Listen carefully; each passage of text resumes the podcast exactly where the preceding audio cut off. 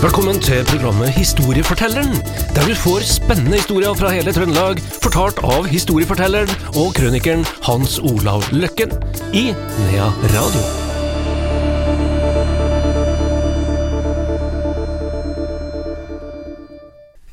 Historiefortelleren er tilbake her i Nea Radio. Det er også du, Hans Olav Løkken. Velkommen. Takk, takk. Nå skal det først handle om Ja, det er et litt spesielt familienavn. Ja. Fragot. Jeg stussa veldig, jeg. Fragot, ja. Ja. Den første gangen jeg var borti det. Eh, og eh, liksom begynte å tenke over hva det her var, og kom borti familienavnet da, her i Trøndelag. Eller rettere sagt, det kom mer borti det i Amerika, men hun kom altså fra, fra Stjørdalsdalsføret, da. Og eh, jeg har jo lest veldig mye og vet ganske mye om de som eh, forlot ungene sine før. Da. Men det gjorde de kanskje på den måten at de dro til Amerika, så tok de med de største ungene. La vi si at 14-15-16-åringer, de ble med over, og så ble de minste ungene igjen i Norge, antagelig med tanke på at de skulle komme etter. Ikke sant? De ville ha med seg arbeidskrafta, og de visste jo hvordan tøft det var å komme med amerikabrev osv., osv. Og jeg la sammen to pluss to og havna også på fem, da, for det, det var jo noen som begynte å prate om at, at det var folk som reiste og bare ga søren i ungene sine. Men uh, den teori forsvant ganske fort, da. Her. Det er ikke der det ligger. Men jeg gikk da over til teori nummer to, og huka med på den at de tok med arbeidskrafta bare, sine eldste, og så lot de det yngste være igjen, og så henta de dem. Men det er ikke rett det heller, skjønner du. Det jeg prater om i ett minutt nå, er ikke rett noen ting når det gjelder navnet fra godt. Da skal vi over til teori nummer tre. Da skal vi til teori nummer tre, og det er selvfølgelig helt korrekt, og nå må vi tenke på at fragått skrives på mange forskjellige måter. Men når vi prater på dialekt, eller oss prater imellom, så ser det, liksom- høres det ut som at noen gikk fra noe, forlot noe. Men fragått kommer fra fradeling.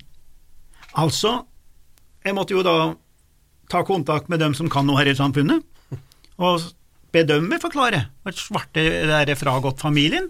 Jeg snakker jo selvfølgelig først med Fragot-familien borte i Statene, som jeg har besøkt eh, mange ganger. De bor, bor i Montevideo eh, i Minnesota. Jeg besøkte dem nå her for noen måneder siden nå, der borte, og da var vi jo inne på dette her med Fragot igjen, da, som er misforståelse, ikke sant. Og eh, jeg tok kontakt med de som kan noe, og som fortalte meg da at det her er altså et navn som eh, stammer fra Jevnakerområdet på Hadeland. Nå er vi altså nede ved Gjøvikbanen. Eh, Det er en gård som ligger nesten helt inn med Gjøvikbanen, da, toget til Oslo fra Gjøvik, ikke sant. Og Hadeland, eh, Hadeland det, Hade, det, det tror jeg betyr kriger i strid. Hvor ha, altså navnet Hadeland kommer av en kriger i strid, altså. Men der ligger det en gård. Jeg har gårdsnummeret, alt det der og så videre, så er det ikke noe vits å fortelle om noe nummer her. Men det kommer altså fra en gård hvor man da fradelte. Akkurat som man gjorde i Trøndelag òg, man delte jo fra gårder og sånn, og, og, og, gårdene ble mindre, og så videre og så videre. Så det er en utrolig enkel teori som ligger bak. Det er bare at da jeg gått over i litt sånn, eh, skal vi si, eh, fortellerstund, da. Dramatisk fortellerstund. Det overlever, vet du, mye mer enn et eh, gårdsnummer. ja, men det er jo sånn, Andreas. Selvfølgelig. Ja, så, så, så, så jeg gikk jo i fella. Eh, Fragått-familien har gått i fella. Og til slutt så kommer vi til sannheten på de gårdene som det stammer fra, da. Helt logikk. Delte fra. Så ble det fragått som gammelt ord, og skrives på mange forskjellige måter. da. Så der har du forklaringen. Ikke dramatisk i det hele tatt. Ikke i hele tatt. Så skal jeg ta med en, en, en liten eh, sak her som jeg, jeg fant litt sånn interessant, fordi at jeg kjenner begge de to som er involvert her i en sak, og jeg kaller det for flaks og uflaks. Eh, for det er jo slik Det er en av hver, altså. en av hver, ja. Det ene hadde flaks.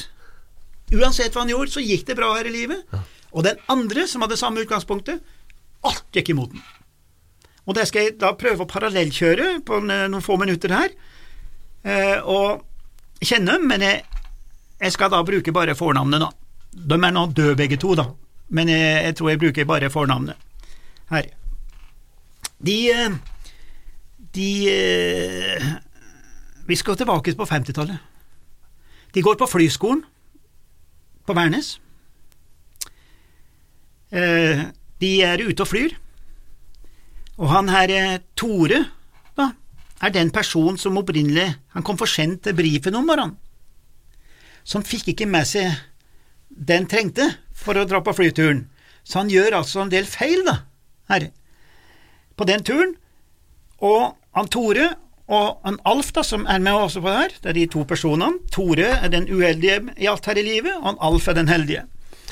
Så de havarerer i skogen oppe i Hegra, og overleve begge to. Og det er vel den eneste gang at han herre Tore hadde litt flaks, da. Ellers så ble det bare uflaks på hals resten av livet. Så de havarerer på grunn av en misforståelse om hvem som skulle fly. I dag så kan ikke sånne misforståelser skje, men den gangen så var det ikke I dag så har vi et veldig sånn system.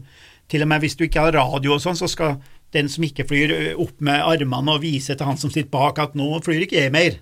Altså, Sånn var det i gamle dager, da. Nå er det jo noe helt annet, da, selvfølgelig.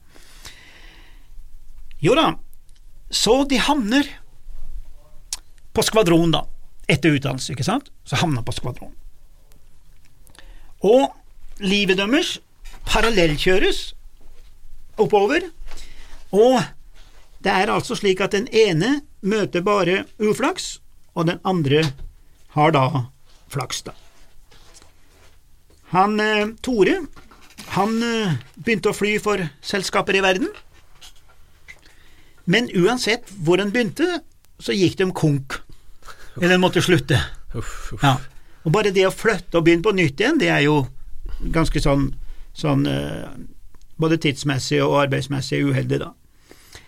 Så han slutter som flyver sivilt og sånn, og begynner som bonde i Spania. Men det gikk heller ikke bra. Så han ville tilbake til luftfarten, men da var jo de fleste selskaper gått konk, det var dårlig tid, så han, han fikk ikke noe jobb.